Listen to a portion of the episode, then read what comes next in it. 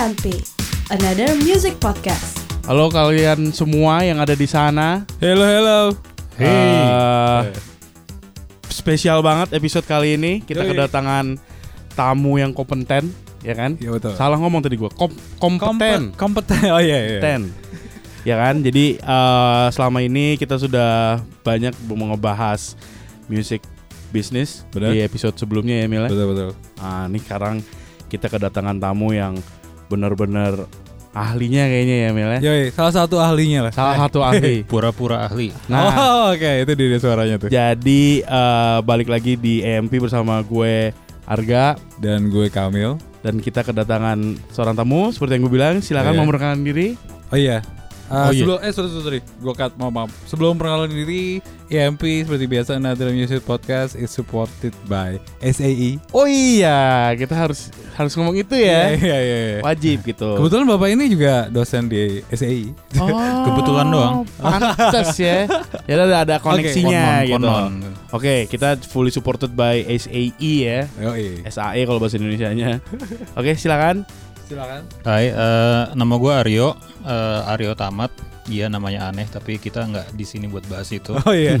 Eh, seperti tadi udah disebut, gue dosen di SAE, Betul. tapi eh, itu mungkin cuma tiga jam dalam seminggu. Oh iya. iya Sisanya gue mengerjakan banyak hal yang lain. Salah satunya adalah gue mengerjakan startup musik namanya Audio FM. Oh iya.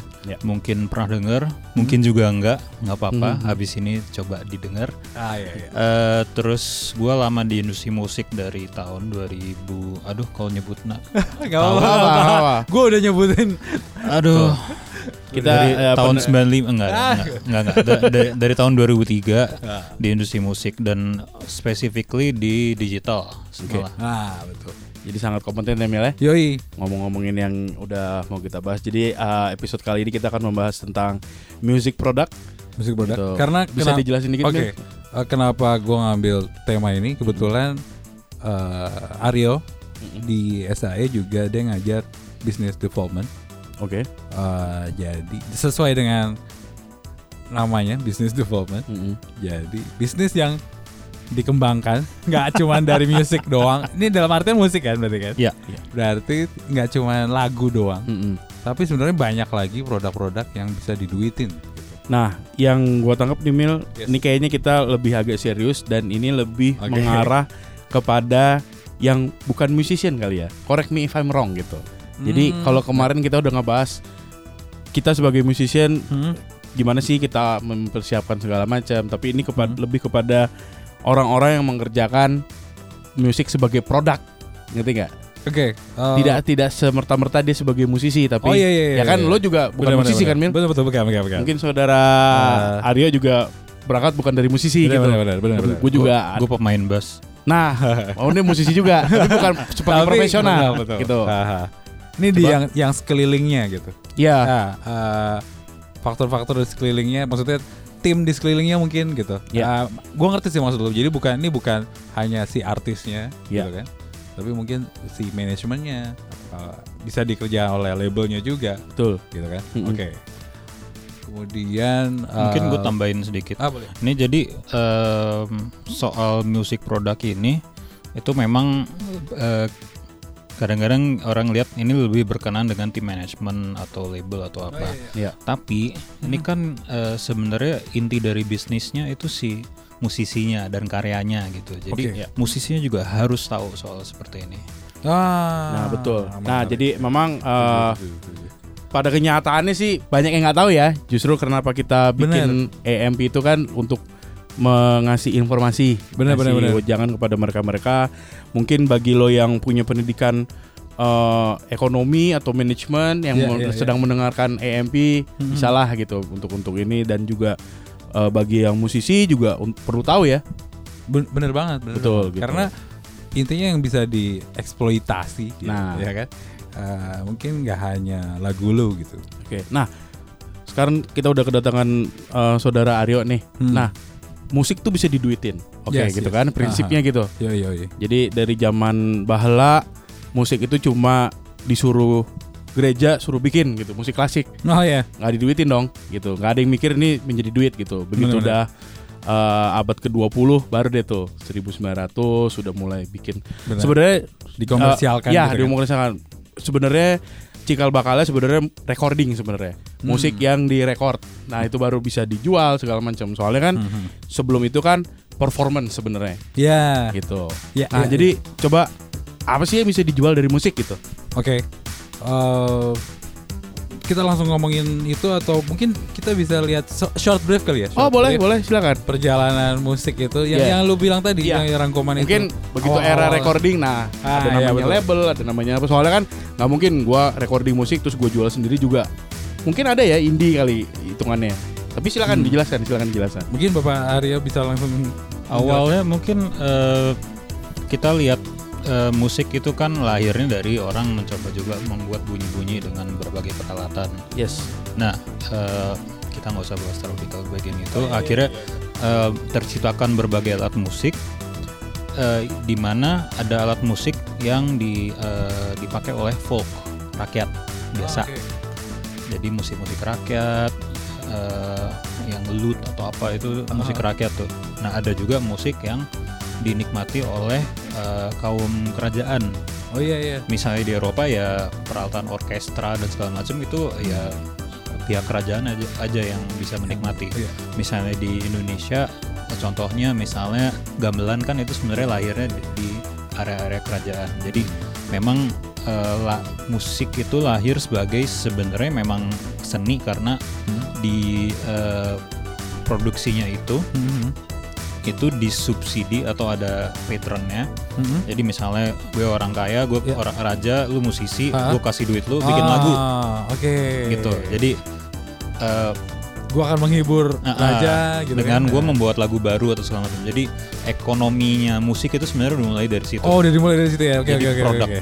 produk musik itu dimulai dengan sebagai ditreat sebagai benda seni. Kalau sampai Hmm. sekarang kan misalnya lukisan, patung Mhm. itu masih eh, masih mirip seperti itu. Jadi ada patternnya, ada Iya iya iya. orang yang mem- memberi komisi eh, tugas eh, pekerjaan untuk ke Iya. seniman untuk membuat karya Ah. kira-kira seperti itu nah eh, Oh, menarik, menarik, menarik, menarik. nah distribusi musiknya sendiri itu mulai dilakukan pas kan musiknya udah mulai dibikin notasi segala macam kertas segala macam Oh iya iya iya. nah sebenarnya roda perekonomian ekonomi berbasis musik itu mulai membesar saat si si eh, notasi musik itu bisa Mhm. diperbanyak. Di oke. Jadi se- seiring dengan eh, lahirnya mesin cetak. Ah, I see. Nah, jadi musik itu jadi bisa Yang musik menyebar. sheet itu ya berarti Ya, kan? musik sheet itu, itu ya, sebenarnya itu udah hitungannya udah distribusi musik. Benar benar benar benar. Nah, eh, loncat beberapa eh, abad Ah, dan Zaman lagi. Zaman ah. itu em, masih musik itu sebagai eh, performance. Jadi yang dijual Hmm. itu performancenya ketimbang rekamannya karena belum ada teknologi untuk merekam. Hmm. Sampai ada piano yang bisa membaca sheet music. Oh iya yang iya iya pakai- tahu tahu tahu tahu. Yang putaran itu Yang yang, ada pernah ada bolong-bolongannya. gitu. Iya iya iya Ya. iya iya iya. Jadi itu udah udah ada salah satu upaya untuk eh, menyebarkan musik di Ah. luar ruang-ruang orang-orang kaya tadi lah gitu. Iya iya. Supaya bisa dinikmati lebih banyak orang. lebih mass di, gitu kan. lebih mass, Yes. alatnya di scale down, Mhm. lama kelamaan eh, baru muncul teknologi yang untuk bisa merekam musik. Nah, Nah di situ eh, begitu rekaman musik ini bisa dilakukan, Mhm. ya baru dipikirkan bahwa ini rekaman-rekaman ini bisa dijual, oke. gitu dan timbullah industri musik rekaman. Oh iya benar. Which is sebagian tapi tidak sama dengan keseluruhan industri, industri musik. Gitu. Nggak sebagian dari Jadi industri rekaman, industri Hmm. musik rekaman itu hanya sebagian dari industri musik. Walaupun kadang-kadang Sebenarnya- or- oh iya iya. iya. walaupun kadang-kadang orang bilang bahwa industri musik ya adalah industri rekaman re- musik Padahal rekaman. enggak kan? Padahal enggak harus.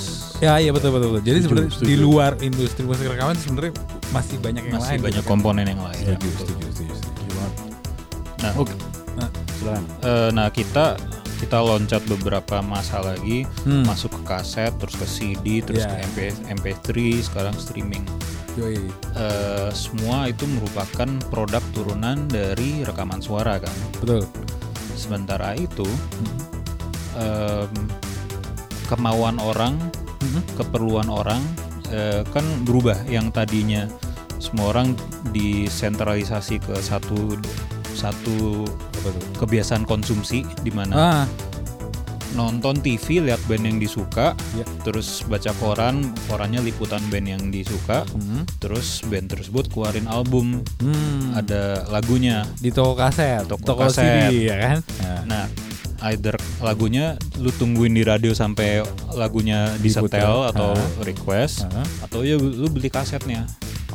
Dulu akses musik hanya bisa seperti itu makanya industri musik rekaman itu hampir sama dengan industri musik karena memang perputaran uangnya itu besar di situ besar di situ. Oke, Setuju, setuju. begitu distribusi musik itu eh, di di defragmentasi oleh internet Wah, kata bahasanya luar Iya, biasa ya. Gila.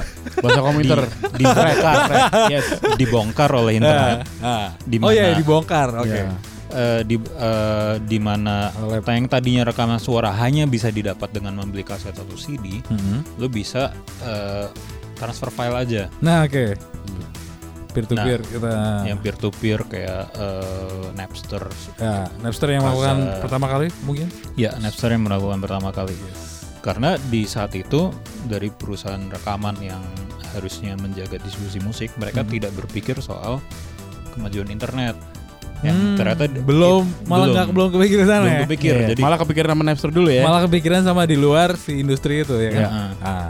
Nah, si eh, di saat yang bersamaan memang begitu muncul internet yang udah ada tapi mulai masih pelan, Oh, jaringannya iya, iya. udah ada, itu muncul juga teknologi teknologi yang bisa mengkompresi si WAV file yang dari CD itu Heeh.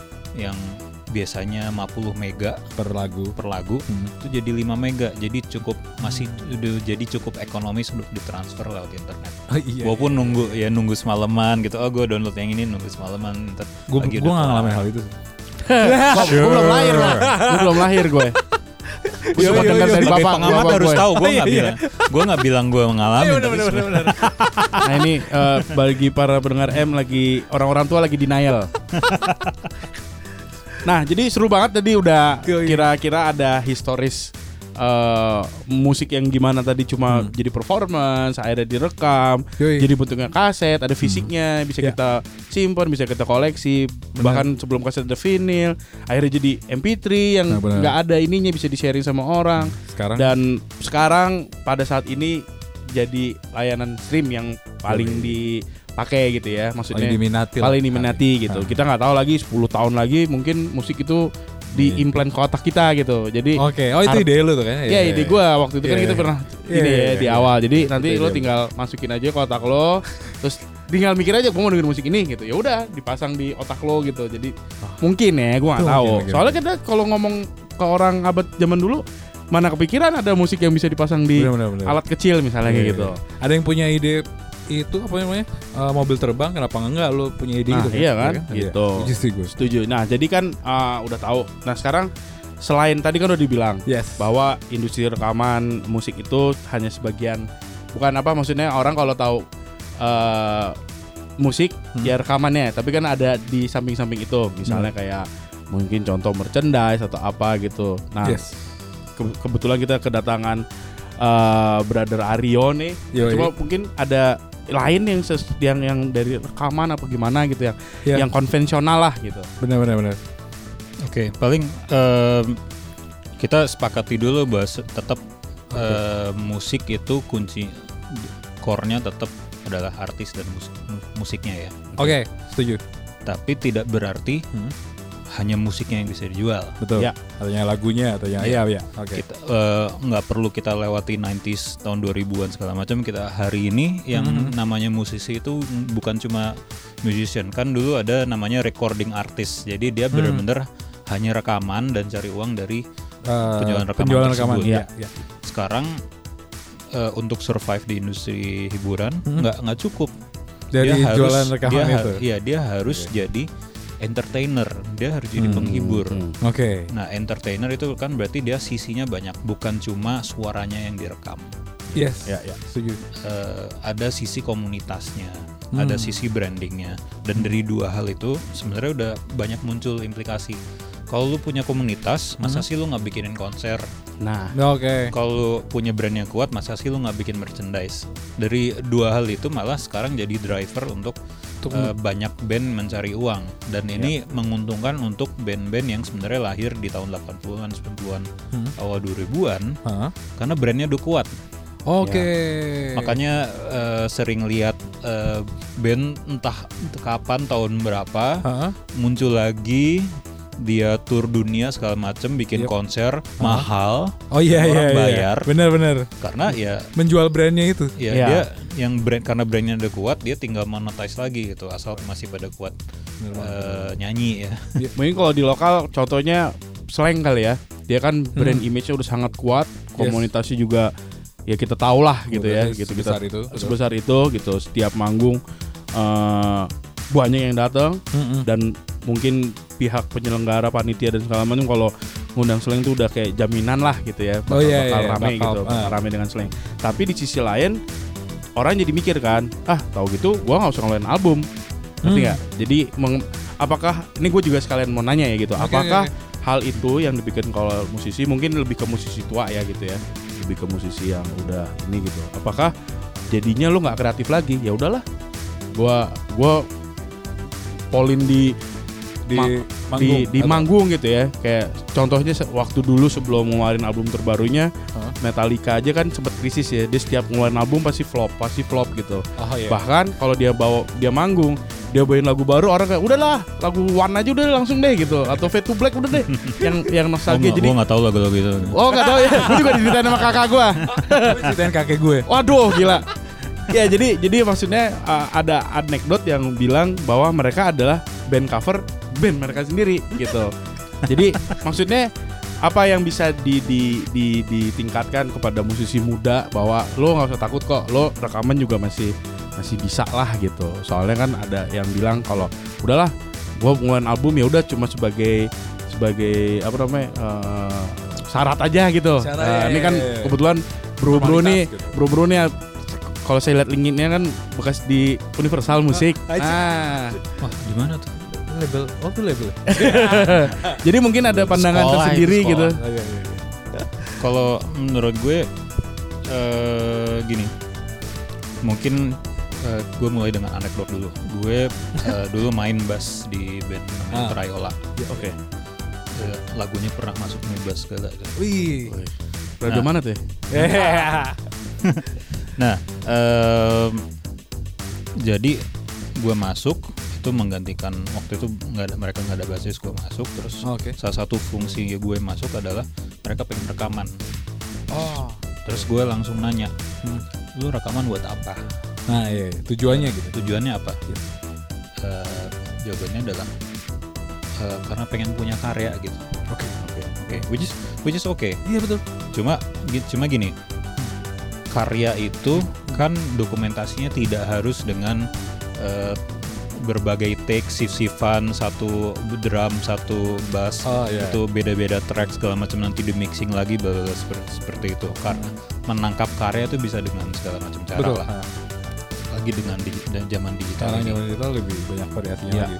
terus yang ada kita juga sering ya udah live take aja di studio karena toh Oh. keluarnya sama-sama aja gitu Iya, Kalau iya, iya. studionya Has- bagus channel-channelnya ada gitu nah bisa jadi ya gue gue push ke mereka Hmm. lu kalau mau rekaman kan lu basically keluar uang Hmm. berarti kan paling nggak lu pikirin gimana caranya uang itu balik Minimal itu gitu. ya karena untuk melakukan melakukan rekaman itu kan berarti lu melakukan investasi waktu uang dan segala macam Iya. jadi sebenarnya lu udah berbisnis di situ gitu Nah, iya, betul, Nah, betul. itu dia. Dulu pakai eh, apa namanya teori ekonomi sebenarnya. Ini menurut gue pencerahan sekali sih. Iya, soalnya gue juga beberapa kali encounter sama teman-teman gue ngeband, Hah. juga kayak gitu. Mereka nggak ada pikiran nih bakal balik berapa, yang penting rekamannya dulu deh gitu. Masih namanya juga masih idealis kali ya gitu. kan. Iya iya iya. Jadi jadi eh, cuma sekedar rekaman tapi ya tadi gue setuju banget sama Bro Aryo kalau ini juga lo rekaman tuh takes time kan. Apalagi Nah, kalau lo iya. salah-salah mulu. Iya. Ya, belum belum lagi lo bayar studio kan. Iya, dulu- waktu dulu itu gua mahal studionya lagi. di Bogor lagi Nah, iya, gila. jauh Iya dulu mahal. mahal ya kan Yoi. studionya mungkin mahal gitu Heeh. per shiftnya bisa 5 juta misalnya kan Betul. jadi wah buang-buang waktu banget gitu. Bener, gue mau nyambung yang kata lu gak. Jadi Mhm. eh, misalnya banyak teman-teman yang emang mau berkarya, Wah, intinya gue berkarya aja deh. Tapi ya udah dengan berkarya itu, balik lagi yang Aryo bilang kan tetap harus ada modalnya gitu ya. Kayak, maksudnya lu akan berkarya terus, terus nggak mengharapkan uang balik, ya fine lah. Tapi bakal sampai mana sih gitu kan? Ya. Harusnya tetap berputar dong gitu, biar bis biar bisnisnya jalan. Maksudnya biar karya lu tetap muncul, tetap, tetap berjalan gitu ya. Ya. Ya, duitnya harus ada sumbernya lah. Oke. Misalnya memang sumbernya nggak dari lu berbikin musik nggak ada masalah. Oh, Tapi iya. paling harus dipikirin gitu. Bener bener bener. Karena duit nggak gratis, rekaman nggak gratis, nggak mungkin. Yes yes. Jadi, Kalaupun lu dapat studio gratis, gue kenapa ke Bogor itu sebenarnya dapat karena studio. oh, oke. Oh, Oke, Iya, iya, iya, itu iya. smart ya kan. Itu bagus. Tapi ah. kan biaya ke sana, Oh iya, waktu, betul juga. akhirnya Betul, betul. selesai album tuh dalam setahun, wah setahun lagi. setahun ya. Karena ya nung- yang semuanya kan kerja Oh iya iya bisa sambil sambil. weekendnya kapan yang available, bla bla bla. Ah, gara gitu. Selesai setahun, tau nggak apa yang terjadi? Apa? Masternya hilang. Aduh. Jadi kita Gila cuma sih punya itu. MP3 MP3 gitu aja. Ah, iya WAV-nya, bener. WAV-nya cuma ada beberapa lagu doang gitu. Oh my god. Yang yang beberapa lagu kita cuma punya MP3 gitu. Which is ya udah gitu. Ah, Ya itu itu salah satu problem ini sedikit aja salah satu problem kita nih di Indonesia pasti kalau nanya eh gue mau ini dong materi-materi lu aduh masternya nggak ada Oh gitu iya, kan apalagi yang dulu dulu ya. Iya, yang dulu-dulu gitu. Eh, susah deh gitu. Soalnya kalau kita lihat di Amerika kan album tahun berapa remastered. Berarti kan dia udah dia punya pegang gitu ya. Walaupun sekecil apa studionya se apa eh, se nggak high tech apa studio dulu pasti mereka akan keep itu master gitu. Nah, gua nggak tahu kalau kasusnya Bro Aryo nih apa emang ke delete, kebakar apa gimana pas sengaja dibuang. gitu. ceritanya kalau itu sih. Tapi kayaknya hampir sekarang pun ya. Kemarin tuh ada gue ketemu ada artis baru gitu. Dan kebutuhannya sebenarnya dia harus punya harusnya punya WAV lah. Ya. Ah, setelah itu mau di convert ke MP3 atau dan segala macem. Nah, tapi waktu gue tanya, eh, lu ada punya audionya punya, oke. Ah, gue butuhnya WAV misalnya. Oke. "Hmm, Oh, tar dulu ya. Gue ternyata gue punyanya MP3. Hmm. Di upsampling jelek banget jadinya. Nah itu Iya. dia, sayang banget tuh. Tapi pernah juga gue lakukan sebenarnya. ya gimana? Mau nggak mau ya. Oke, nah, Kalau balik mau- lagi, balik lagi sorry Iya. ya. tentang eh, apa aja sih musik produk gitu. Oke. Kan kita tadi ngomong soal komunitas, eh, soal branding. Yes. Eh, karena ki- sebagai entertainer kan berarti sisi publiknya itu harus sangat kuat. Kalau nggak punya sisi publik itu terus terang menurut gue akan susah bertahan sebagai entertainer. Jadi Oke. udah nggak bisa mikir saya dalam musisi itu udah udah nggak bisa. Oke. Harus sebagai entertainer. Jadi nggak boleh kalau misalnya "Ah, yang penting gue bikin lagu aja, gue nggak mau kelihatan muka gue apa maksudnya gue nggak mau manggung gitu. agak agak susah. Nggak mungkin juga sih Mel. Nggak mungkin Nggak mau ya? manggung gua agak gimana. Berarti oh iya iya. ada ada juga yang misalnya dia fokusnya mah ke songwriting, tapi itu Ah. menurut gue itu eh, diskusi agak terpisah Oh iya, dikit beda-beda lah, se- beda. setelah ini Iya, kalau beda. songwriting. Iya, iya. Eh, nah, kalau sebagai entertainer Hmm. kan berarti harus mikirin branding. Hmm. Apa yang dilihat. Karena belum tentu apa yang dilihat itu sama dengan apa yang di dalam orangnya ya. Iya. Seperti halnya banyak manusia di Indonesia. Wah, iya. Eh, Iya iya iya, iya. Pencitraan maksudnya. Pencitraan. Nah, Nah, ini yang akan relate ke fans, ke yang Ah. akan dengerin lagu lu. Ah. Denger lagu sekali, Ya. belum tentu nempel kan. Oh iya. Kecuali kalau lagunya enak banget. Iya. In some way, orang akan nanti lihat sosoknya yang bawain lagunya siapa. Oh iya benar. Akan gue relate nggak? Dia nyambung nggak sama lagunya? Orang ini membagikan emosi tertentu sama gue kan. Iya. That's how orang mulai Setuju. Oke. suka sama lagu. Nah, kalau komunitas itu kan sebenarnya lahir dari sebuah kesepakatan Hmm. bahwa kita sama-sama suka, Suka, sesuatu. ya. Ah, benar. Udah, itu sebenarnya itu aja. Hmm. Nah, jadi begitu brandingnya ada, konsisten, orang suka, Hmm. Komunitasnya mulai kebentuk. Yep. Nah, di komunitas ini sebenarnya yang jadi eh, orang-orang yang paling utama yang perlu dikasih produk. Nah, Oke. produknya itu tidak harus di rekaman suara karena belum tentu mereka mau beli CD. Oh iya iya iya iya iya. Contoh gini, ini sekian tahun yang lalu Java Aha. Jazz gue sempat bantuin jaga booth gitu. Mhm. CD 75.000 ribu nggak laku, kaos 150.000 ribu laku. Wow, Oke. fenomena yang menarik kan? Iya. Nah, Karena gue masih belum tahu eh, bukan gue masih belum tahu gue nggak berani berteori kenapa karena menurut gue kita perlu tetap mengkaji dengan data sebenarnya Harusnya. kenapa sih pergeseran spending itu eh, Berdasarkan apa sih? bersa- eh, kenapa dari CD bergeser jadi kaos Ya. cuma menurut gue salah satu fungsi eh, salah satu penyebabnya adalah rekaman suara sendiri kalau berdiri sendiri itu udah bukan produk yang diinginkan orang Oke. orang mau Iya. tapi orang nggak mau bayar Ya. Kita ngomong saat ini ya, terutama. Iya saat Iya. ini Iya. jadi bukan musiknya nggak berharga Oke. cuma mereka merasa akses gue terhadap musik itu adalah hak gue Oke. jangan ditahan-tahan pakai bayar dulu gitu Iya, iya. iya. kalau kalau misalnya gue mengakses hal lain dapat musik tersebut oke fine Hmm. Eh, misalnya s- kayak Spotify atau Joox itu kan berlangganan akses kan sebenarnya Yes. dengan membayar 50.000 ribu sebulan gue bisa akses sekian juta lagu sedunia Iya, iya, benar. Atau yang free tier uh, itu akses tetap dan uh, tapi lo uh, kompensasinya adalah lo kena iklan. ya kan? Hmm, Nah, kena iklan atau nggak bisa selalu milih lagu yang lo Oh iya. Ya. Limited lah. Limited. Eh, jadi yang di ma- orang mau keluar uang itu eh, udah bergeser Hmm. jadi eh, streaming service kan yang dibeli akses bukan si lagunya Yes. gua hampir yakin iTunes download sekarang udah udah rendah Ya. Dengar-dengar gitu Ya. sih datanya semakin. gimana eh, Mas dari Apple gimana mungkin dengerin Mungkin Oh, lagi iya. lagi dengerin ya kan. Ditanyain Ariel. Eh, jadi sampai mana tadi Eh, Spotify Iya, Spotify. Spotify, yes. Oke. Jadi orang mau membeli akses, orang mungkin mau membeli merchandise. Hmm. Itu salah satu produk musik. Iya. Merchandise itu bisa apa aja ya? Oh iya, iya betul betul. Bisa dari cuma kaos, kaos, doang. Nah, kan? paling umum dan paling mudah dijual tuh kaos. Yes. Berdasarkan pengamatan gue, gue nggak punya data riset lebih baik kalau ada data riset. Asumsinya gue juga gitu sih. Ya. Kayak gantungan kunci, gue mungkin nggak mau Wah, beli, iya, tapi iya. kaos gue mungkin mau beli. Oke oke. Dan eh, itu berlaku berlaku kayak. Tapi gue nemu banyak banget sih. Gue pernah udah punya lanyard Metallica. ya, Ah, ya, ya, gitu-gitu. Iya, memang Untuk mas-mas kantoran pasti seneng lanyard gitu. Kalau- iya, iya. kalau anak eh, anak Iya, sekolah belum tentu mau. Iya betul betul betul betul. betul. Iya, betul. Jadi eh, emang gue sih ngeliat diri gue sendiri aja ya gitu. Oh. Maksudnya eh gue penikmat musik dari segi penikmat musik. Sekarang musik udah ada kayak Spotify, Apple eh, Music dan segala macam. Jadi Hmm. udah gampang. Tapi gue sebenarnya kalau dari gue, gue nggak nggak cukup itu doang gitu. Gue juga Hmm. mesti eksistensi gue kayak gue nih suka musik, gue harus ngasih tahu orang gue suka musik. Nah, contohnya apa? Gue suka nih band.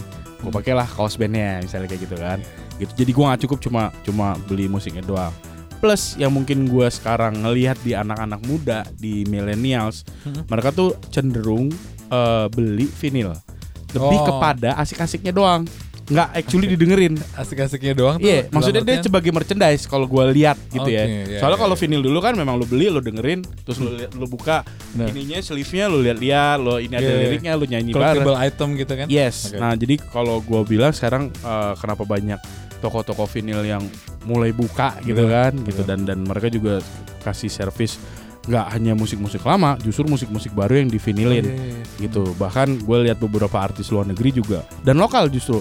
Oh, iya, iya. Naif kan waktu itu dia Benar. pas dia ini dia keluarin Iya, tiga album tuh. awalnya vinil karena memang ternyata banyak demandnya. Hmm. Nah gue nanya sama temen gue, lu beli emang lu punya playernya?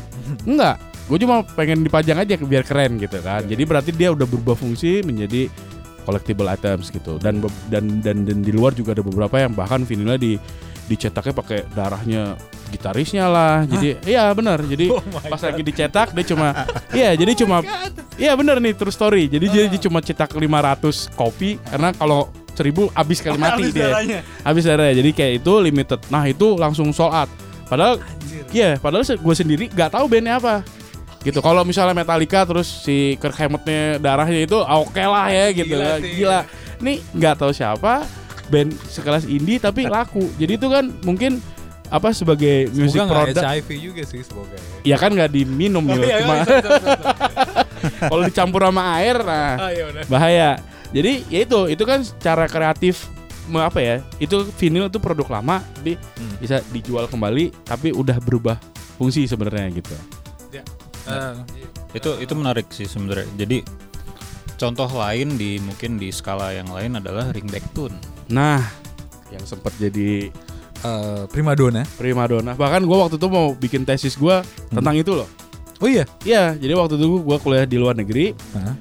Masalah ringback tone itu kan cuma Indonesia doang nih, Yang tinggi banget. yang tinggi banget Yes. gitu, yang sampai orang RBT RBT segala macam gitu. Iya, iya, iya. Waktu itu gue mau ngangkat tesis gue masalah ringback tone karena mungkin bagi orang luar gitu, waktu itu gue kuliah di Amerika nggak begitu menarik, tapi ini kan sebagai apa ya bentuk dari apa eh, musik ini kan Hmm. sesuatu yang bisa dipelajari gitu. Oke. Kenapa sih gini Iya. gitu? Iya, Apa iya, apakah ada ada ada kaitannya dengan buying habit orang betul. Indonesia segala Atau macam. behavior yang lain. Yes gitu. Nah, Nah, yang gue lihat pattern yang eh, kelihatan terjadi dari gue mengamati ringback gue sendiri ringback tone kenapa sih orang mau bayar? Yes. Nah, itu kan produk musik nah, yang kita taruh di handphone kita. Ya. Ya tekniknya bukan gitu sih, tapi ya oh, bukan gitulah. eh, ya, pokoknya Pokoknya orang nelpon kita orang tapi Dia bisa eh, denger denger lagu itu. Iya. Yes. Jadi Ada tunggunya. itu perlakuannya sebenarnya sama dengan lu beli kaos band. Setuju. Nah, Setuju. Itu adalah perpanjangan tangan dari identitas yang pengen gua citrakan ke Ke luar. orang Yes. keluar. Betul. Dan eh, Jadi ini kayak ini ini gue banget nih gitu Iya. ya. Iya. Dia kan Iya, iya. gitu. untuk yang fans eh, slang banget dia akan pak- pakai ringback tone slang. ya. Yes. Untuk yang lagi patah hati dia akan pakai ringback tone kenangan terindah gitu makanya Oh, luar biasa tuh kan. biasa. Karena orang Indonesia banyak yang Lumayan. patah hati ya kan. Gila, gila. patah hati patah lu mulu. Eh, nah, satu hal yang perlu diketahui juga kon- konon ya karena gue nggak belum lihat angkanya. Oke. heeh. Eh, ringback tone sebenarnya sudah konsumsinya sudah sama dengan tingkat sebelum waktu itu yang sempat dimatiin Oh iya? tuh. Wow, sudah, cool. tapi memang di luar Jakarta. Oke. Ah. Di Jakarta itu mungkin udah jarang nemuin orang untuk pakai. Begitu di luar Jakarta itu kalau nggak salah se- sebelum kejadian yang ditutup-tutup itu itu Iya. penetra eh, istilah orang telco penetrasi layanannya itu 30% dari keseluruhan eh, pelanggan pengguna handphone. Nah, oke. sekarang itu udah 30% lagi tapi cuma dia nggak menunjukkan tren growth di atas segitu. Pas sebelum yang terjadi kejadian itu 2011 itu itu masih ada tren growth ke atas Oh. memang. Nah, sekarang untuk di 30%. Untuk Berarti 30, oke. bayangin 30% dari 250 juta orang. Wah. Eh, sorry. Eh. Pengguna pengguna handphone kalau nggak salah udah 250 juta orang Iya. nomor kan aktif Iya, kan. iya. Heeh. Ya kira-kira 30% dari itu meng- menggunakan ringback tone Hmm. more or less dengan value ringback tone itu 7000 sebulan kan. Tujuh iya. Iya. Heeh. Bayangin itu nilai industrinya seberapa, seberapa besar. Wah, itu baru ringback tone doang loh kan. Itu ringback tone. Ya, makanya waktu itu gue inget para label-label bondong-bondong untuk maksimalin si ringback tone ini gitu ya. Iya, iya, iya. Iya. Jadi se apa eh, malah fokusnya lebih kepada udah ringback tone ini dijual dibanding CD-nya Iya, gitu benar. kan. Bahkan kalau lebih CD-nya ada ringback tone juga kan di belakang. Iya. Walaupun itu agak merusak apa ya estetika gua ngeliat CD gitu loh kayak aduh ngapain Oh, sih iya, nih iya, benar. RBT tolong satu lagu satu lagu lagi gitu kan gitu. Menurut gue itu Maaf. pengembangan Maaf. Oh iya.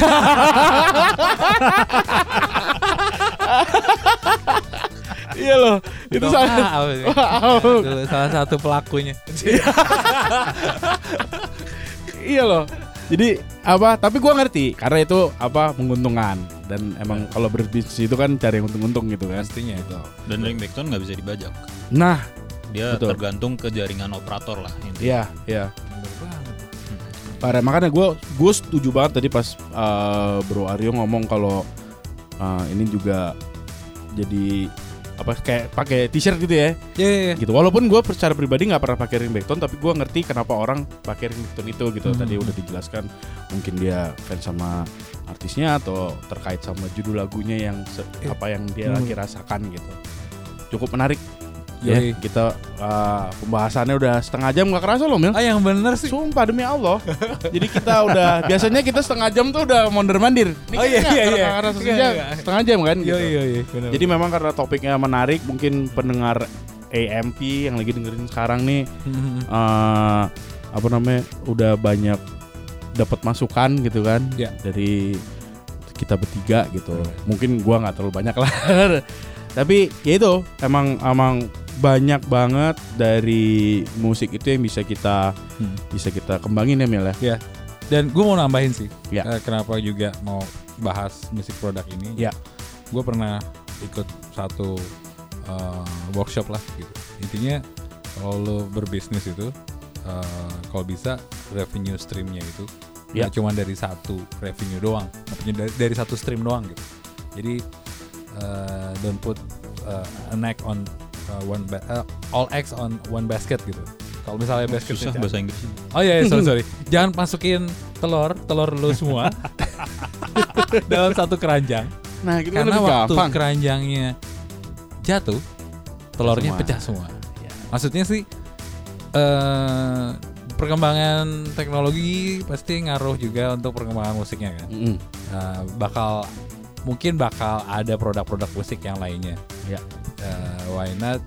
Lu nggak maksud gue oke lu fokus di musiknya tapi lu juga akan memperhatikan eh, yang bisa diduitin yang lainnya gitu. Dari Ya. merchandise, dari Ya.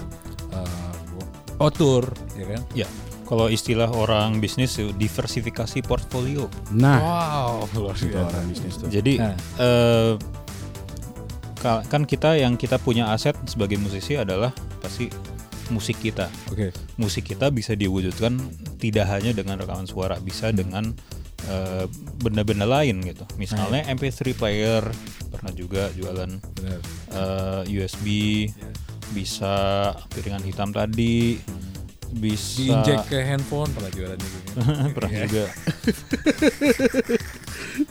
bisa intinya sih bisa macem-macem Iya. Eh, dan core-nya itu tidak harus si musiknya bisa juga si artisnya sendiri Oh iya. misalnya kalau jual kaos kan terus masa lu jual notasi lagunya di Iya. kaosnya itu Oh iya iya iya. Ya. bisa tapi mungkin lebih menarik foto elunya Iya, benar. karena yang beli akan Atau- fans lo fans lo iya. kan seneng lo Hmm. Atau Eh, artwork image-nya biasanya. Iya. Iya. Gitu.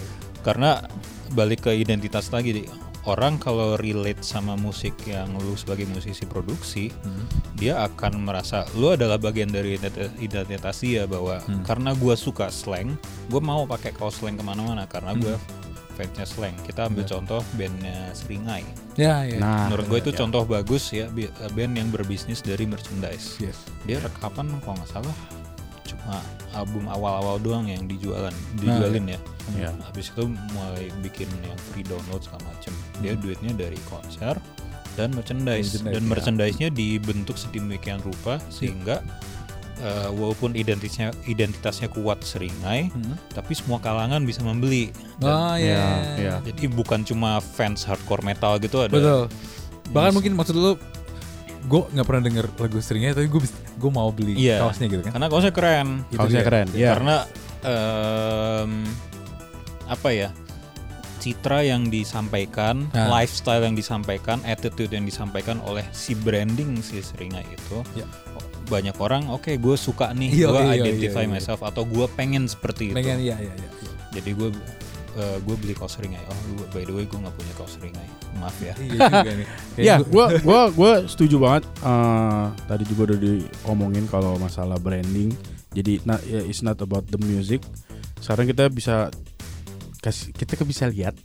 Kita kalau kita ke H&M atau ke Zara, Oh, lo iya. lihat ada kaos Metallica, Oh iya iya. ya kan? Iya. Jadi seband sebesar Metallica yang tadinya apa menuntut Napster untuk coba tarik lagu-lagu gue gitu kan Iya iya. itu kan salah satu bentuk kayak wah lo arogan banget biarlah yang ngedownload musik lo kan adalah fans fans lo juga gitu Oke. terus sekarang dia jualan di H&M bajunya gitu Iya. kan itu tidak eks kayak gua gua suka Metallica tapi gua nggak mau beli baju Metallica di H&M men gitu kan Oh gitu. iyalah ngapain gitu kan nah tapi memang si Metallica ini akhirnya dia menjual brandnya yang tulisannya kan Iya. lancip-lancip Logonya gitu itu logo. kan. Akhirnya dipakailah sama Justin Bieber, dipakailah sama uh, Kim Kardashian gitu. Bahkan si vokalisnya juga waktu itu sempet gue lihat di YouTube, Hmm. dia suruh komentarin artis-artisnya pakai baju Metallica Oh, iya? gitu. Iya, jadi kayak nih ada beberapa orang yang pakai baju Metallica gitu. Iya, Terus kasih iya, lihat iya. fotonya Justin Bieber dia ketawa-ketawa. Kasih lihat fotonya Avril lagi pakai baju Metallica Oh, iya, ketawa iya, gitu. iya. Jadi memang gue apa mungkin kayak band sebesar Metallica dia akan berevolusi ya kayak gitu aja udah jadi simbolis mungkin kayak kalau kita tarik waktu ke belakang kayak Rolling Stone dengan lambang lidah mulutnya itu gitu itu. kan Nah. gitu anak-anak sekarang pakai eh lu emang pernah dengerin Rolling Stone kagak tapi keren aja gitu lambangnya gitu kan dan mereka akan mendapatkan royalti dari si si ya Ya, ya. yang membuat baju itu gitu Hmm. bahkan bahkan band kayak Misfit aja yang sekarang juga udah anggotanya cuma satu apa gitu Oke. nah itu dapat duit terus Oh, karena iya, iya. lambang Misfit itu dipakai di mana-mana gitu Iya, kan iya. Sama Nirvana udah nggak ada bandnya tapi kan Hmm. ikonik banget tuh yang lambang smiley face gitu jadi Iya. akhirnya bertransformasi menjadi sebuah brand yang yang bisa dipakai gitu aja sih Oke. Nah itu yang menarik eh, itu kan kita ngomongin band-band besar yang akhirnya bekerja sama dengan perusahaan-perusahaan besar kayak H&M atau Ya, Bravado kayak gitu. Yang mungkin teman-teman yang dengerin lagi perlu tahu juga itu nggak perlu jadi band besar juga untuk bisa melakukan itu. Hmm. oke Jadi eh, pasti ini eh, udah, umum ada band dia ngeluarin album terus jualan kaos, buka PO, ya Iya, iya. sama ya segala macam ya Setiap sebenarnya sebenarnya sama tapi Perform jualan gitu. tapi menurut gue itu masih em, terbatas banget kemampuannya Iya. padahal eh, usaha jualan kaos lu itu mungkin bisa lebih potensial ketimbang jualan rekamannya Hmm. jadi yang perlu diselidiki itu gimana caranya Hmm. bisa menjual kaos lebih banyak Daripada. eh, ketimbang yang model PO-PO itu jadi misalnya Oh. eh, kaos lebih banyak ke lebih banyak orang Aha. dengan effort yang lebih sedikit karena Hmm. Kan bandnya tetap fokusnya manggung dong manggung Oh bikin iya dong. lagu dan segala Iya, macam iya. dia nggak bisa jadi perusahaan kaos kecuali Oh kalau iya, memang iya, iya, kalau iya. memang mau jadi perusahaan kaos kan Iya. gitu. jadi gue selalu menyarankan kalau ada band yang bertanya ke gue soal berbisnis Yes.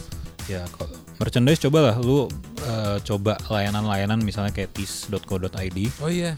Itu, Itu terus gimana? ada, ya. TI. TES Iya kalau nggak kan? salah T double I T E E Ya. S dot C O dot ID. Ya. Ah, Jadi itu tinggal modal lu, lu bikin account di situ, modal lu adalah desain. Desain. Desain diupload, nanti mereka akan ngurusin em, orang yang mau mesen itu nanti ada websitenya. Iya betul Orang mesen di situ, orang bayar di situ, nanti dikirimin sama mereka. Produksi sama pengiriman Produksi sama mereka. Nah, Ya. Nanti per kaosnya itu ada bagi hasilnya. Memang menarik. memang mungkin nggak sebesar kalau lu open PO segala macem. Ah. Cuma skalanya yang lu, lu pikirin. Iya. Kalau Iya. open PO ya dua lusin, tiga lusin, kelar.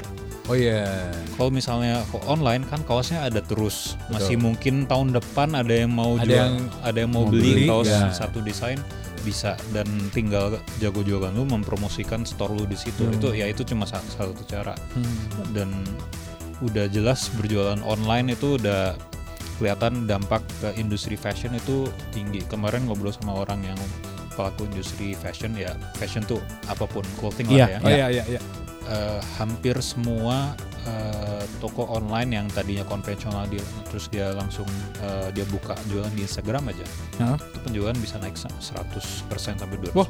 Oke. hanya karena dia eh, melakukan kegiatan di online buka di Instagram lah Iya, jadi iya, nggak iya. usah yang canggih-canggih bikin Iya, eh, website, e-commerce website Iya. sendiri nggak nggak perlu gitu Karena udah ada platform yang membantu itu gitu. Iya, Ya paling eh, nanti lu perlu pikirin untuk bikin platform sendiri kalau skalanya udah banyak Nah, banget betul, setahun ada ada 50 ribu kaos gitu Ah, iya iya baru deh. kapan 50 ribu kaos Lu bisa bikin divisi sendiri itu Iya, kan nah, iya. merchandise. nah itu baru mikirin nah, gimana caranya gue bisa dapet duit lebih besar per kaos dengan produksi yang lebih efisien tentunya jangan pakai layanan-layanan seperti itu cuma kalau skala lu masih kecil lu mulai mau nyoba-nyoba ya udah coba pakai layanan yang kayak gitu aja dulu sampai lu tahu sebenarnya desain mana yang lebih laku misalnya Ah iya iya. iya. eh, produk mana karena Sambil di juga ya. di tis itu kan nggak cuma kaos ada botol minum lah Mug, ada gitu. mug ada cover bantal yang apa pun Oke itu oke. Ya. Jadi macam-macam bisa tinggal dilihat gue malah promoin produk orang Oh ya. iya nih. nggak apa nanti mudah-mudahan yang punya tis denger ya kan Oh iya, bener. Next episode di support Dibayarin. by tis ya kan? Bayarin kita. Oh enggak. Oh enggak. ya syukur-syukur ya Ag- agak susah sih su- gua suruh dengerin aja kalau gitu nah Enggak sih, tapi maksud gue ini sangat eh, harusnya orang-orang bisa mema- ngambil manfaat ya maksudnya. Oh iya, Iya kan? iya betul. Apa? eh eh, gua ngerasa di episode ini banyak banget. Gua sendiri aja dapat banyak pelajaran ya kan. Yoi. Gimana kalau yang dengerin AMP lagi dengerin sekarang nih Bener-bener. pasti juga mudah-mudahan dapat banyak pelajaran. Nah ini kita udah 40 menit nih nggak kerasa nih. Wow, Jadi, iya, oke, oke, oke. ah gitu, udah melebihi tapi wajar karena ini seru banget. Yes. Jadi mungkin ada petuah atau Iya, kata-kata terakhir atau, dari atau bisa quote maybe. ya jadi Quote. buat di- buat ditaruh di poster gitu ya. Yoi, udah jelas banget ya niatnya. ya Eh, quote-nya adalah eh, berkarir di musik itu eh, harus dipikirkan sebagai bisnis. Tidak harus lu berpikir lu sell out karena lu mikirin duit, Heeh. tapi nggak berarti lu berhenti mikirin bahwa gimana caranya gue hidup sebagai Musisi. seniman, musik, musisi gitu. gila. Wise. Yo, iya, iya. Awesome. We awesome. say, Awesome man. Gila. awesome pedas. maaf ya, maaf ya pendengar kalau joknya agak-agak tua-tua gitu ya. Nggak ngerti gue gitu, nggak milenial joknya gitu. Nggak zaman now. Ya, pokoknya eh, eh, seru banget episode kali ini em, bersama brother Aryo Tamat eh, yang apa banyak kasih masukan di music product ya Mil ya Yoi. makin bercolor nih ini kita dan nggak hanya eh, brother Adro Tamat nanti juga kita di episode berikutnya banyak makin banyak bintang tamu ya, Bintang tamu, narasumber Ya, yang yang, lainnya. ah narasumber yang Satu lagi, satu lagi. wah apa tuh Kalau mau belajar lebih banyak ya daftar kuliah di SI. Nah, luar biasa. gue suka nih Gue suka, banget, nih gue suka banget. pembicara terus disupport sama SAE eh di promosi SAE juga gitu kan gitu. Nah, mungkin uh, pembahasan hari ini uh, masih banyak yang denger yang kayak aduh gue tadi uh, pengen nanya apa segala macam Oh, gitu iya, kan iya. yang mungkin nggak ke cover sama kita karena kita kasihkan ngomong gitu ya. Benar-benar. Nah, itu bisa hubungin ke mana Mil? Hubungin sebenarnya bisa email ke Radio FM id at gmail.com Oke. Atau komen di di YouTube atau komen Oke. di Instagram kita Oke. atau mungkin langsung nanya ke Bapak Aryo Tauman. Nah, Ke mana? mungkin ada sosial Eh, media yang Instagramnya, dipunya. hah? Paling gampang di Twitter kali ya. Oh, di Oke. Twitter. Oh Nah. iya iya iya. Twitter itu eh, ID-nya Bari Barijo, B A R I J O E. Barijo. Oke, Barijoe. Barijo ya. Oh, Ah, Barijo. at Barijo. Barijo Armstrong bukan? Oh, Oke. ya, pokoknya kalau uh, silakan follow atau mau nanya-nanya masalah uh, musik produk karena si uh, Bro Aryo ini memang udah udah oh, dari 2003 ya. Baru tiga gitu. 2003 gila parah banget. baru baru. Baru gitu. Satu dekade lebih kan? Ya. Wais. Man. Kayak nggak enak gitu. sorry sorry sorry. Oke, uh, cukup sekian. Kalau nggak kita bakal ngoceh terus. Iya nih. Ah, ah, jadi emang terlalu asik. Uh, ditunggu um, uh, di episode berikutnya kawan-kawan M. Sampai ketemu lagi. Sampai ketemu. Terima kasih. Terima kasih banyak. Deh. AMP, another music podcast.